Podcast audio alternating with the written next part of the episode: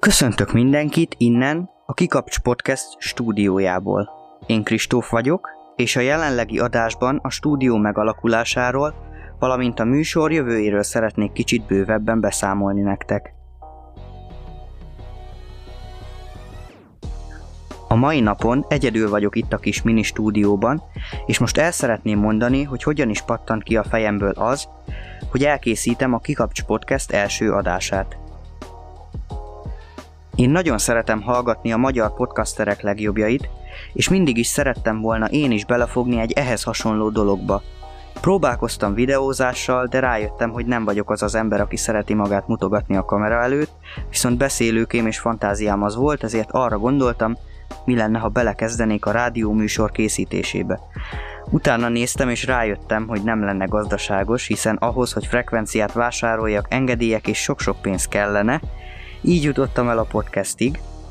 Mikrofonom már volt, ezért azt nem kellett vásárolni, laptopot is vásároltam már magamnak, ezért már csak a témát kellett kitalálnom, ami érdekelhet egy pár embert.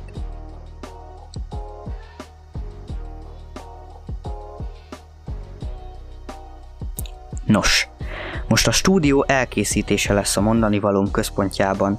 Mai napon gondoltam egyet, és a szobámban lévő sarokba tettem be a kis elektromos zongorámat.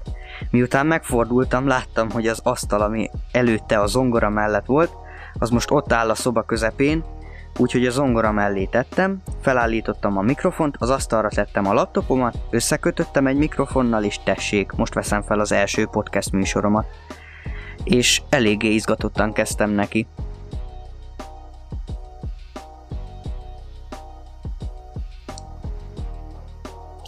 És a mai utolsó téma a Kikapcs Podcast csatorna elkövetkezendő terveiről fog szólni. Úgy gondolom, hogy hetente kerül neki tartalom YouTube-ra és a saját weboldalunkra, Podbeanre, és ha sikerül megoldanom, akkor Spotify-ra is.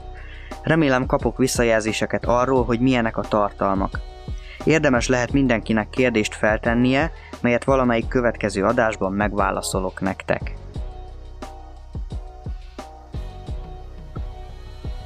Köszönöm mindenkinek azt, hogy meghallgatta ezt a rövid kis műsort, ha tetszett kövessetek be platformjaimon, egy hét múlva újra jelentkezem. De már nem egyedül, ezt megsugom nektek. Sziasztok!